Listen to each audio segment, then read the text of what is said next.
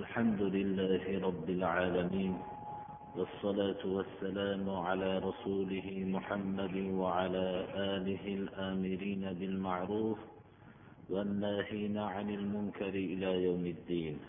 أما بعد السلام عليكم ورحمة الله. juma kunidagi qur'oni karimdan davom etayotgan darsimiz meros haqidagi oyatlarni o'rganayotgandik meros haqidagi oyatlar birinchi insonning tabiatiga inson tabiatiga o'rnatilgan u kelajak avlodning doim shu haqida fikrlashligi o'zidan keyingi nasl haqida o'zidagi yuqori ota onalariga nisbatan ham ko'proq fikrlashlik tabiatiga muvofiq birinchi zurriyotlarga taalluqli bo'lgan meros bayon qilingan. Ikkinchi insonning ota onasini merosi bu haqda bayon bo'ldi. Uchinchi agar er kishi vafot qilgan bo'lsa uning turmush o'rtog'iga bo'lgan meros ulushlari agar vafot qilgan ayol kishi bo'lsa uni o'zini kuyoviga bo'lgan meroslar haqidagi bayon bu narsalar bayon qilinib o'tildi. Merosning tafsiloti fuqarolar mana shu oyatlardan tafsilot qilib ilmi faroiz haqidagi ko'p kitoblar yozishganlar mana shu kitoblarda har bir suratdagi har qanday qiyin holatdagi bo'lgan suratlarni hammasini ilmi faroizga taalluqli bo'lgan kitoblar o'z ichiga olgandir. Bugungi o'rganadigan darsimizda agar bir kishi vafot qilsayu uning farzandi ham bo'lmasa uning otasi ham qolmagan bo'lsa farzand deganda nabira ham qolmagan bo'lsa ota deganda otasining dadasi ya'ni opa dadasi ham qolmagan bo'lsa demak asli ham o'zining furu'lari ham qolmagan suratda uning ona bir aka ukasi yoyinki ona bir opa singlisi qolgan suratdagi merosni inshaalloh o'rganamiz. استعيذ بالله وإن كان رجل يورث كلالة أو امرأة وله أخ أو أخت فلكل واحد منهما السدس فإن كانوا أكثر من ذلك فهم شركاء في الثلث من بعد وصية يوصى بها أو دين غير مضار وصية من الله والله عليم حليم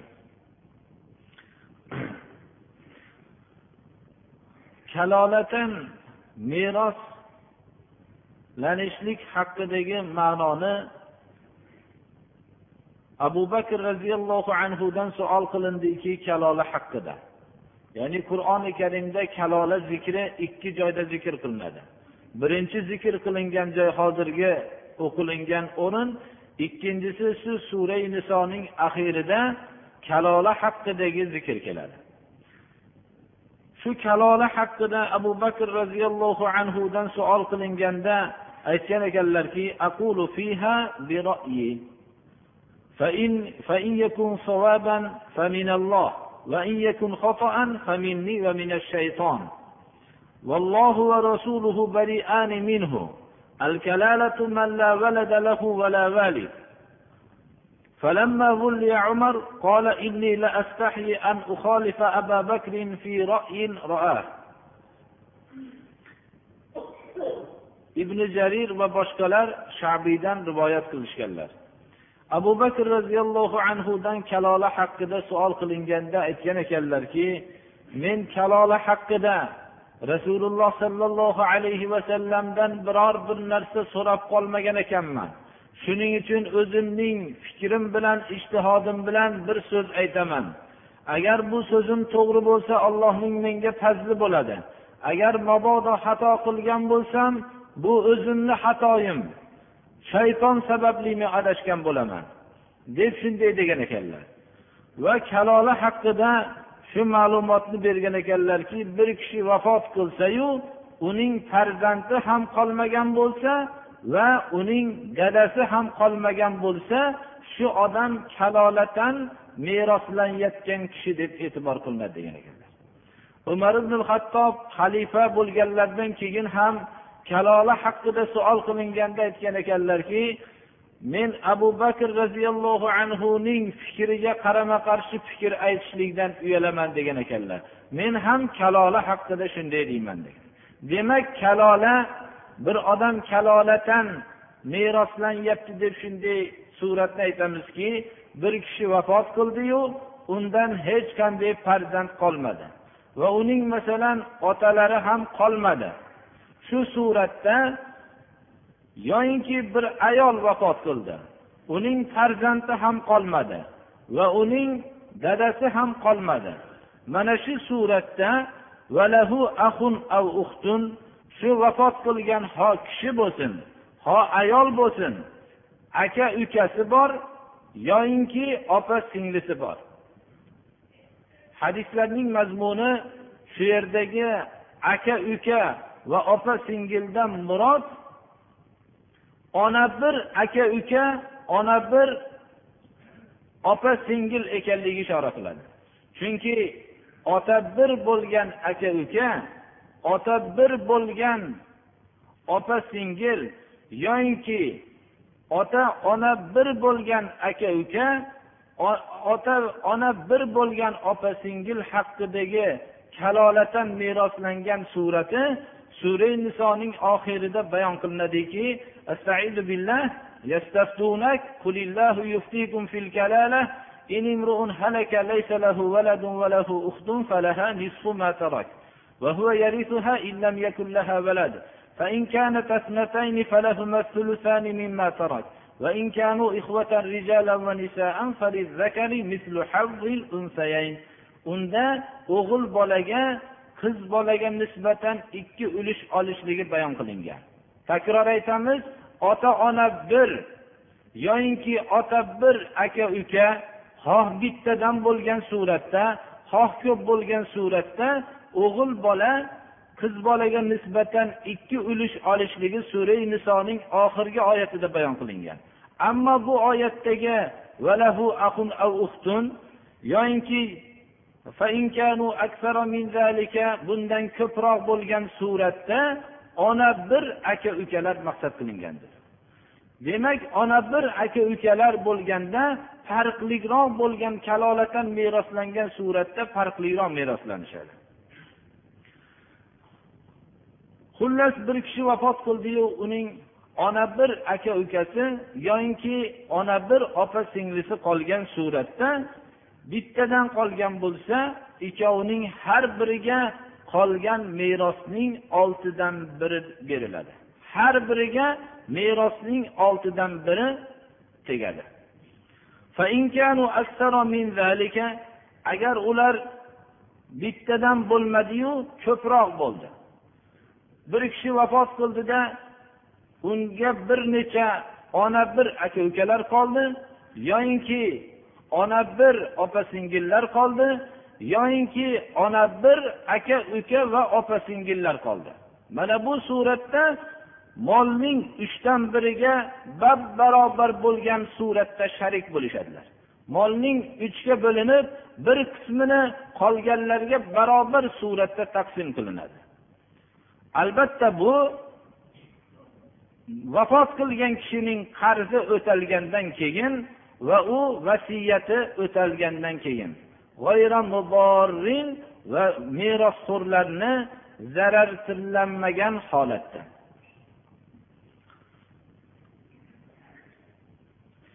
Vasiyat vasiyat ham merosxo'rlarni zararlantirilmagan holatda vasiyati o'taladi. Vasiyat haqida biz oldingi darsimizda aytdik vasiyat merosxo'r kishiga qilingan vasiyat botil bo'ladi. Chunki merosdan olayotgan kishiga vasiyat berilmaydi. Undan tashqari boshqalarga vasiyat qilingan suratda vasiyatning moldan uchdan biridan ortig'iga vasiyat yurmaydi. Faqat uchdan biridan ko'prog'ini aytgan bo'lsa ham uchdan biriga yurgiziladi vasiyatni.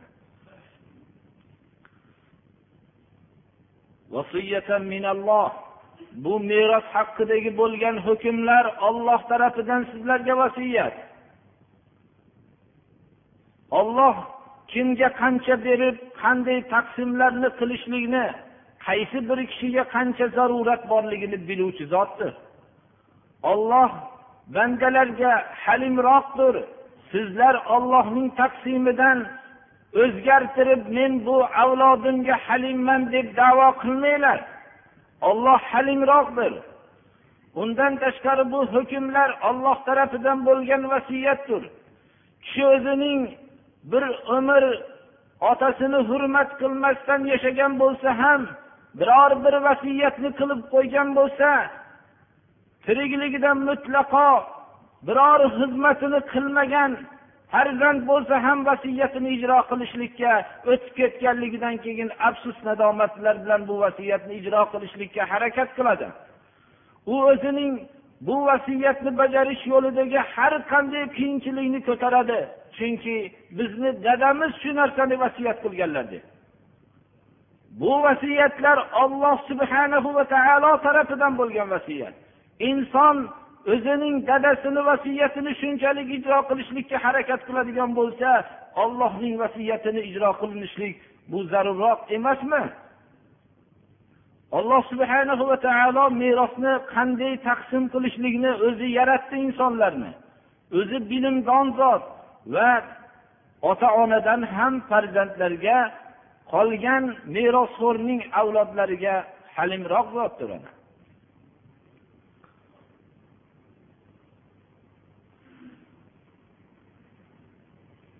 تلك حدود الله.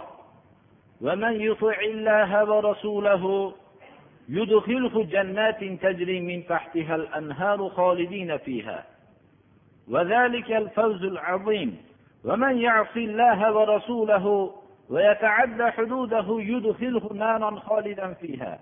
وله عذاب مهين. meros rioya qilinmagan biz davrda yashab turibmiz. Meros rioya qilinmagan davrda xususan insonlarga olloh tarafidan bu vasiyat olloh kimga qancha berishligini biladi. Olloh bandalarga qolgan avlodlarga bu merosxo'rdan ham meros beruvchi meros qoldiruvchidan ham halimroq. Hech ota onadan ham farzandlariga parvardigor o'zining bandalariga ota onalar farzandiga bo'lgan mehribonligidan ham mehribonroq halimroq degan kalima kifoya qilmaydi. Odamlar bu so'zni bilan kifoyalanmaydi xususan merosni poymol qilingan davrlarda.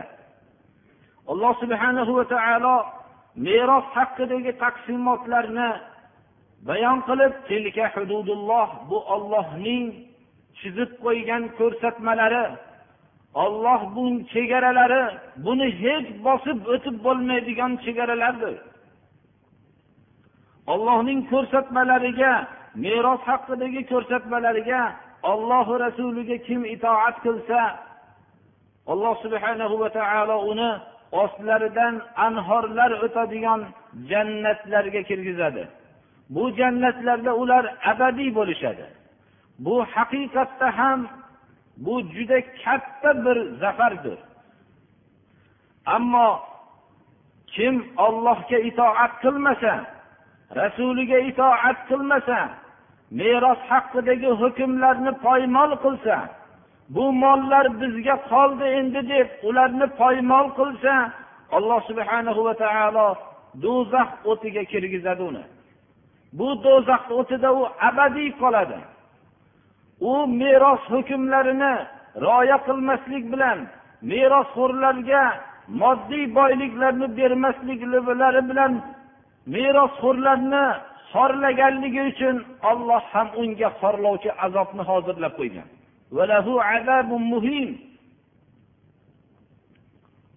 Inson shu oyatni o'qilganda nahotki meros haqidagi hukmni rioya qilmaslik bilan inson shunchalik katta jazoga sazovor bo'ladimi? Xuddi merosni rioya qilishlik bilan katta mukofotga sazovor bo'lgandek. Lekin masala bu yerda olloh subhanahu va taolo tarafidan kelgan hukmni rioya qilmaslik. Alloh subhanahu va taoloning yerdagi ulug'iyat olloh degan sifatini qisman inkor qilishlik bo'ladi. Shuning uchun ham meros haqidagi hukmlarni rioya qilmaslik xususan moddiy boyliklar oldida inson hammasi ham bu narsani o'zi muvozanat bilan tura olmaydi. Bu moddiy boyliklarni o'zining egalariga beradigan soatlarda juda insonni baxillik shayton juda ko'p vasvasaga soladi. Mana bu vaqtlarda mana meroslarni poymol qilinishlikka shunday qattiq vaid kerak bo'ladi. Agarki bu o'rinda bo'lmasa ham men umumiy til bilan aytaman ko'p kishilar mana shu suollarni qilingan ba'zi odamlar shikoyat qilib o'zlari mening bir ahvolim kun sayin yomonlashib boryapti. Ba'zi narsalarim hech yurmayapti. Uydagi hayotiy ishlarimda ham juda ko'p narsalar menga muvaffaqiyatsizlik bo'lyapti degan savolga ba'zi o'rinlarda men shunday javob qilgan edimki birodar shu siz meros haq joyida o'tiribsiz. Shu merosni haqqini rioya qilganmisiz? Bilardimki shu kishiga taalluqli bo'lgan boshqa aka ukalari juda bir qiynalib turgan holatini men bilardim. Shu siz meroslarni haqqini rioya qilganingiz yo'q. Siz shundanda o'zizga qolgan narsani o'zizga g'animat bilib qoldingiz. Agar shuni tadorikini qilmasangiz siz bu hayotdagi hozirgi shikoyat qilayotgan narsalaringiz hech narsa emas balki oxiratda bundan ham qattiqroq azoblar bor. Haqiqatda ham hamma hukmni rioya qilib kelinayotgan bo'lsa ham hozirgi vaqtda meros haqidagi bo'lgan narsalarni rioya qilishlik bizni millatimizda yo'qoldi birodarlar. Qur'oni karim mana bu joyda bu ollohning ko'rsatmalari bu ollohning ko'rsatmalariga kim itoat qilsa olloh katta mukofot beradi. Agar bu itoat qilmasa xorlovchi azobga kirgizadi deb mana vaid qilyapti mana.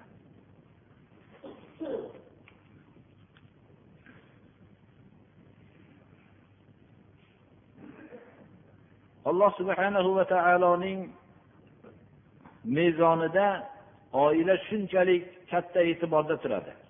Hozirgi meros haqidagi aytgan hukmlar ham oiladagi ahvollarni bayon qiladi. Oilani buzuq ishlar bilan shug'ullangan millat oilani poymol qiladi. Bu narsani biz hozirda aniq guvohi bo'lib turibmiz. Fohisha ishlar bilan shug'ullangan oila bu oilaning barbod qilib hatto nasablarning tayinsiz qolishligiga ham sazovor bo'lib millatlarda shunday kishilar ulg'ayyaptiki ular o'zlarining dadasi kim ekanligini bilmasdan qolyapti. U uchun kelajakdagi bir odamlar o'rtasidagi bo'lgan hayot unga o'limdan o'lim unga yengilroq bo'ladi. U bir umr o'zining dadasi kimligini bilmasligidan og'ir musibati yo'q alloh subhana va taolo mana bu holatdan ahli islomni pok saqladi avval islomda fohishani rad qilingan oyat mana shu oyatdir واللاتي يأتين الفاحشة من نسائكم فاستشهدوا عليهن أربعة منكم فإن شهدوا فأمسكوهن في البيوت حتى يتوفاهن الموت أو يجعل الله لهن سبيلا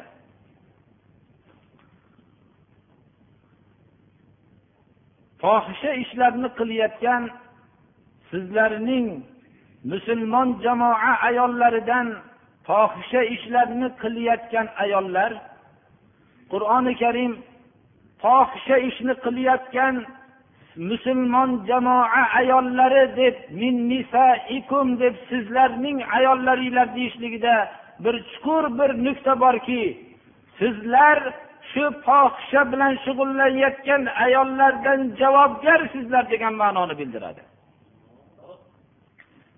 Shularning tarbiya qilmaslikka javobgar shaxsisizlar deyapti.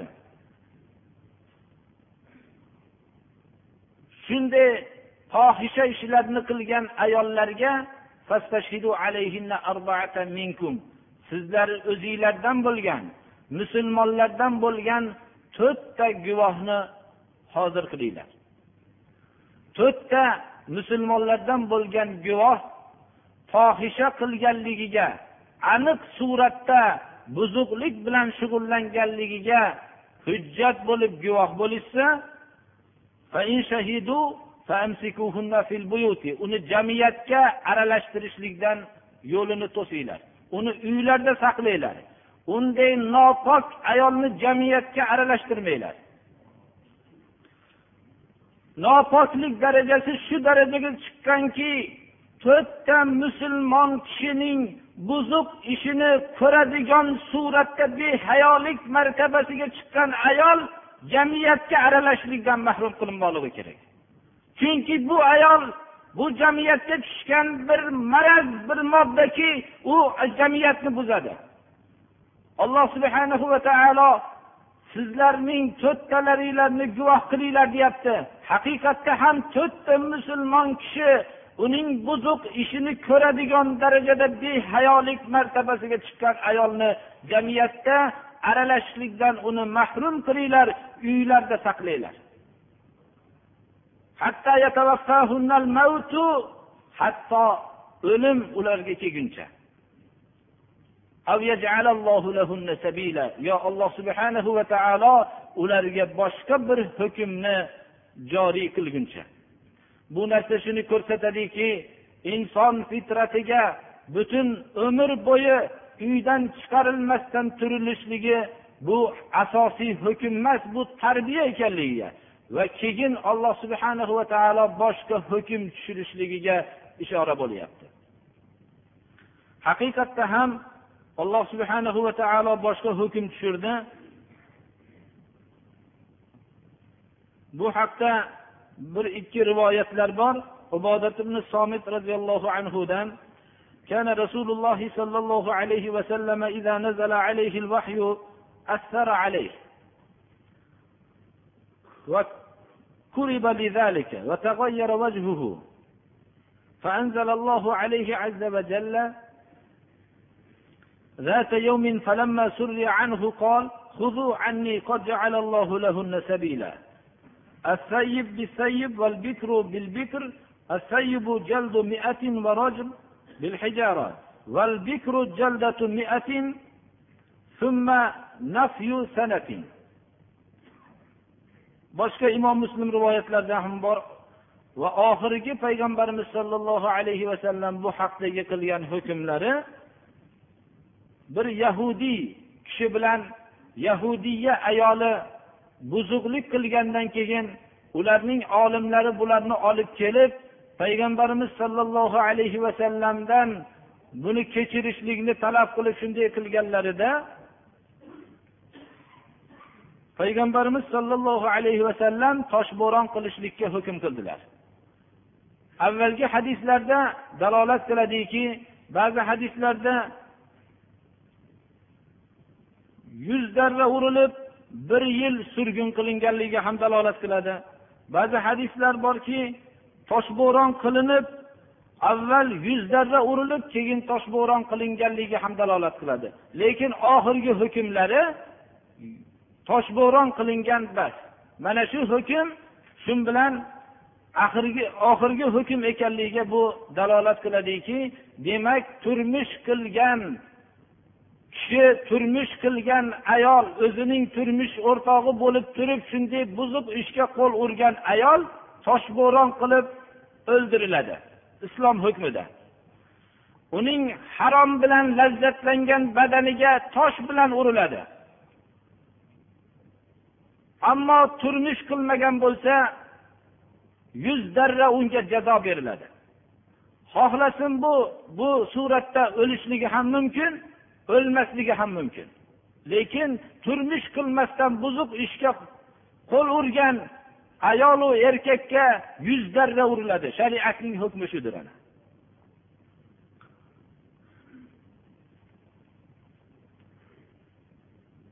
Payg'ambarimiz sollallohu alayhi vasallam vahiy nozil bo'lganda huzu anni dedilar mendan olinglar bu hukmni. Buzuq ayol qil buzuq ayollarga buzuqlik qilgan ayollarga olloh shu hukmni nozil qildi dedilar.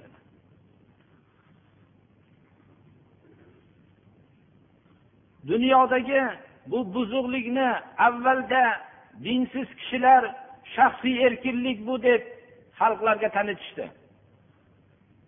Bu shaxsiy erkinliklari insoniyatga shunday jinoyat qildiki hozir bu jinoyatni tuzatishlikka bu jinoyatni shaxsiy erkinlik deganlar o'zlarining boshlari qotib turibdi hozir.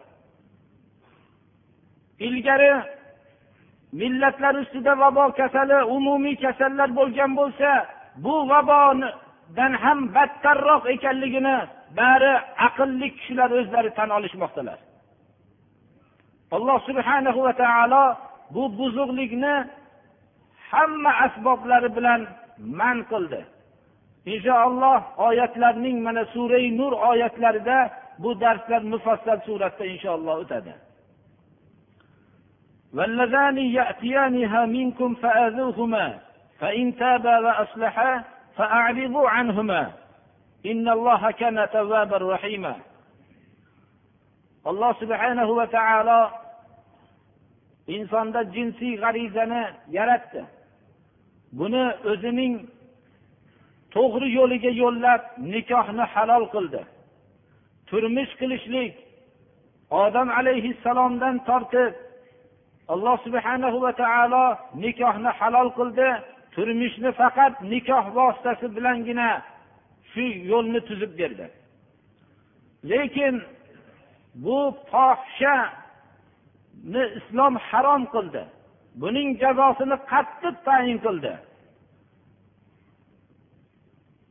Lut alayhissalomning davrigacha alloh subhanahu va taoloning bandalaridan biror bir lut alayhissalomning qavmi qilgan gunoh o'tgan emas edi إنكم لتأتون الفاحشة ما سبقكم بها من أحد من العالمين lut alayhissalomning xalqi erkaklar o'zaro jinsiy aloqa qilishlik shu lut alayhissalomning qavmidek vahshiy insonlardagina topildi lut alayhissalom bu xalqqa qattiq nasihat qildilar Sizlar shunday buzuq ishni qilasizlarmi? Bu ishni hech bir olamda biror bir kishi tarafidan sodir bo'lmagan edi. Lekin lut alayhissalomning nasihatlariga quloq solmadi alloh subhanahu va taolo butunlay halok qilib butunlay yerga yutkizib tashladi. Alloh subhanahu va taolo mana bu oyatda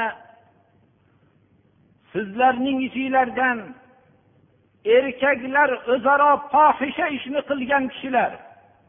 Ularga qattiq ozor beringlar. Abdulloh ibn abbos rivoyatlarida said ibn jubayr va boshqalarning rivoyatlarida so'kish ayblash oyoq kiyimlari bilan urish degan ekanlar. Ba'zi rivoyatlarda abdulloh ibn abbos aytgan ekanlarki shu shaharning eng baland imoratining ustiga olib chiqib shunday buzuq ish bilan shug'ullangan erkaklarni shu yerdan uloqtirib yuboriladi degan ekanlar abdulloh ibn abbosdan hadisi marfu rivoyat qilgan rivoyat qilinganki rasululloh sollallohu alayhi vasallam aytdilarki من رأيتموه يعمل عمل قوم لوط فاقتلوا الفاعل والمفعول به lut xalqining qilgan gunohini qilayotgan kishilarni ko'rsanglar ikkalasini ham qatl qilinglar degan ekanlar. Alloh subhanahu va taolo shunchalik qattiq gunoh qilganlarga ham tavba darvozasini ochib qo'yyapti. Agar tavba qilishgan bo'lsa tavbaning sharti va aslaha o'zlarini o'nglagan bo'lsa bunday gunohga endi qaytib yurmaydigan bo'lsa ulardan endi tinimsiz berayotgan ozoringlarni to'xtatinglar. Demak kalimasidan shu ma'lum bo'ladiki doim ularning urib kaltaklab yurishlikka ishora bo'lyapti. Ulardan yuz o'giringlar. Agar tavba qilib o'zlarini o'nglashgan bo'lsa yuz o'giringlar. Olloh tavbani qabul qiluvchi mehribon zotdir.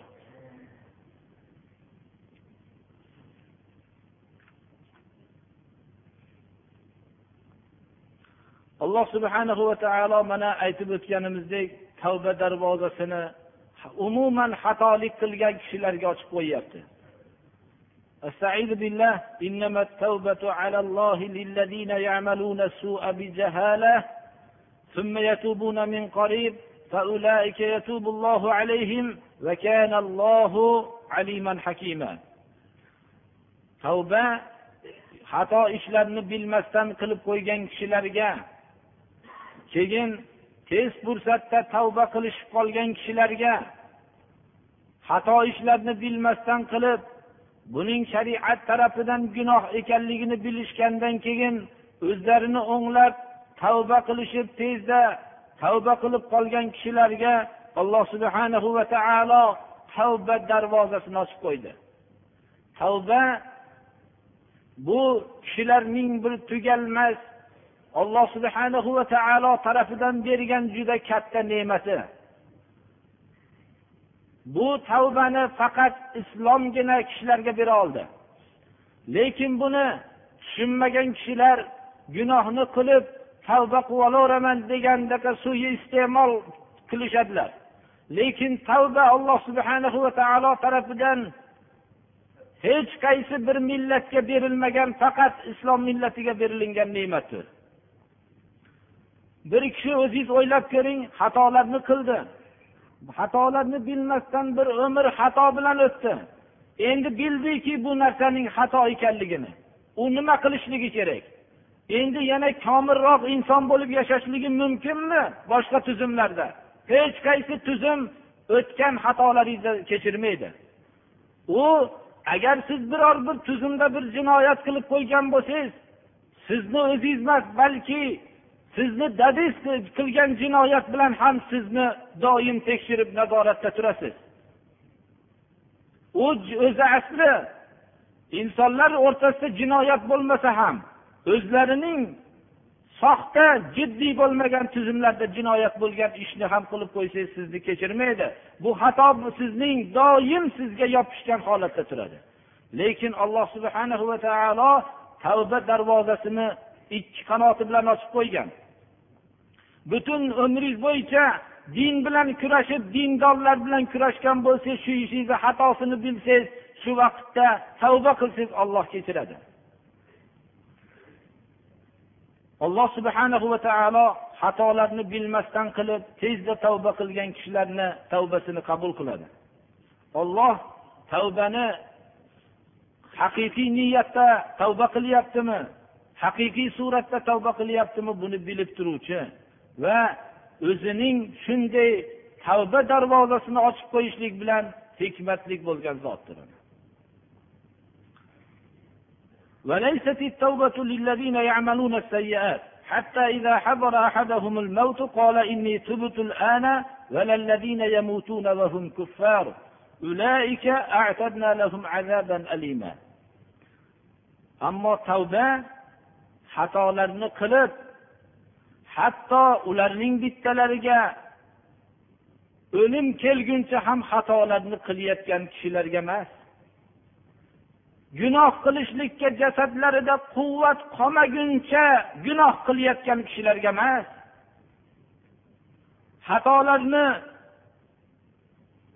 jon taslim qiladigan vaqtgacha butun gunohlarni qilib yurgan kishilarga tavba bular uchun emas. Jon taslim qiladigan soat kelganda ana men endi tavba qildim degan kishilarga emas bu vaqtda mo'minu kofir bir xil bo'ladi. Bu vaqtda hamma tavba qiladi lekin bu vaqtda tavba darvozasi bekilgan bo'ladi.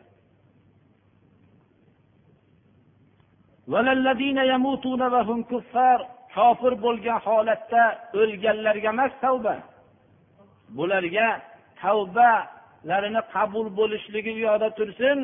Ularga deydi alloh subhanahu va taolo alamlantiruvchi azobni hozirlab qo'ygan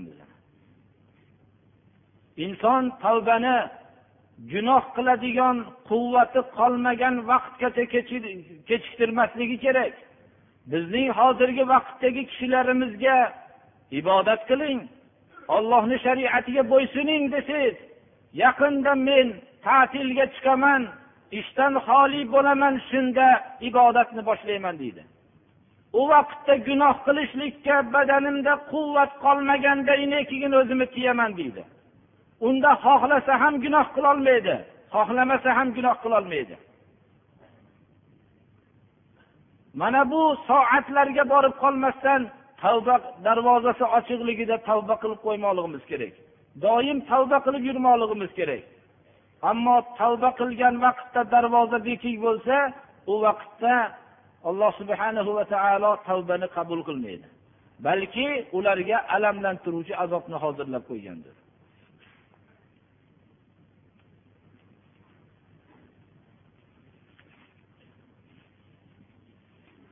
Ba'zi bir kishilar bir savol beribdilar hozirgi vaqtda taloqni birovga ahamiyati qolmadi. Ko'p odamlar taloqni bilmay qoldi. Bu yil masalan aydi qurbonda hajji akbar bo'libdi uch taloqlarga yo'l bo'ladi deb eshitgan edik shu shunaqa deyishyapti shu to'g'rimi deb birodarlar bu shariati islomiyga komil bo'lgan. Bunga birov qo'sholmaydi. Uch taloqqa bizni shariati islomiyada misol bir uch taloq bo'lgandan keyin ruxsat berilmagan.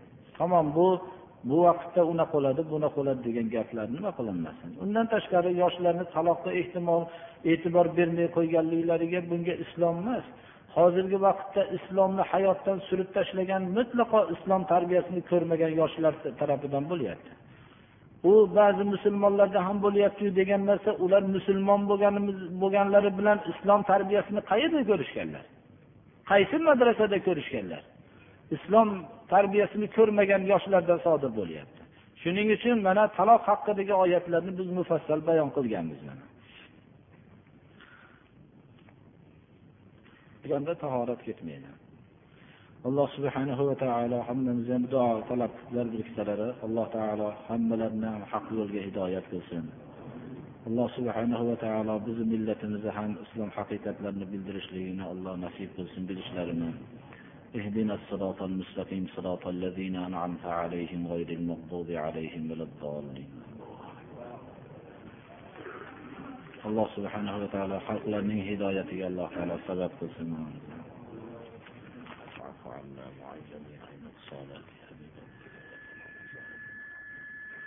اللهم أحسن عاقبتنا في الأمور كلها واجعلنا من خزي الدنيا وعذاب الآخرة. اللهم حبب إلينا الإيمان وزينه في قلوبنا وكره إلينا الكفر والفسوق والعصيان.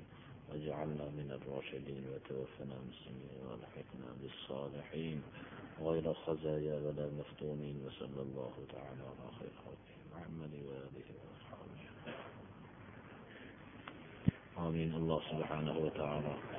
Hammamizni ham gunohlarimizni mag'firat qilsin ibodatlarimizni qabul qilsin mana bugungi darsimizda tavbani o'tdik astag'firulloh astag'firulloh astag'firulloh أذنبته عمدا أو خطأ سرا أو علانية فأتوب إليه من الذنب الذي أعلم ومن الذنب الذي لا أعلم إنك أنت علام الغيوب alloh subhanahu va taolo mehmonlarimizning qadamlariga alloh taolo hasanotlar bersin. Hamma din xizmatini qilayotgan kishilarning ishiga alloh rivoj bersin.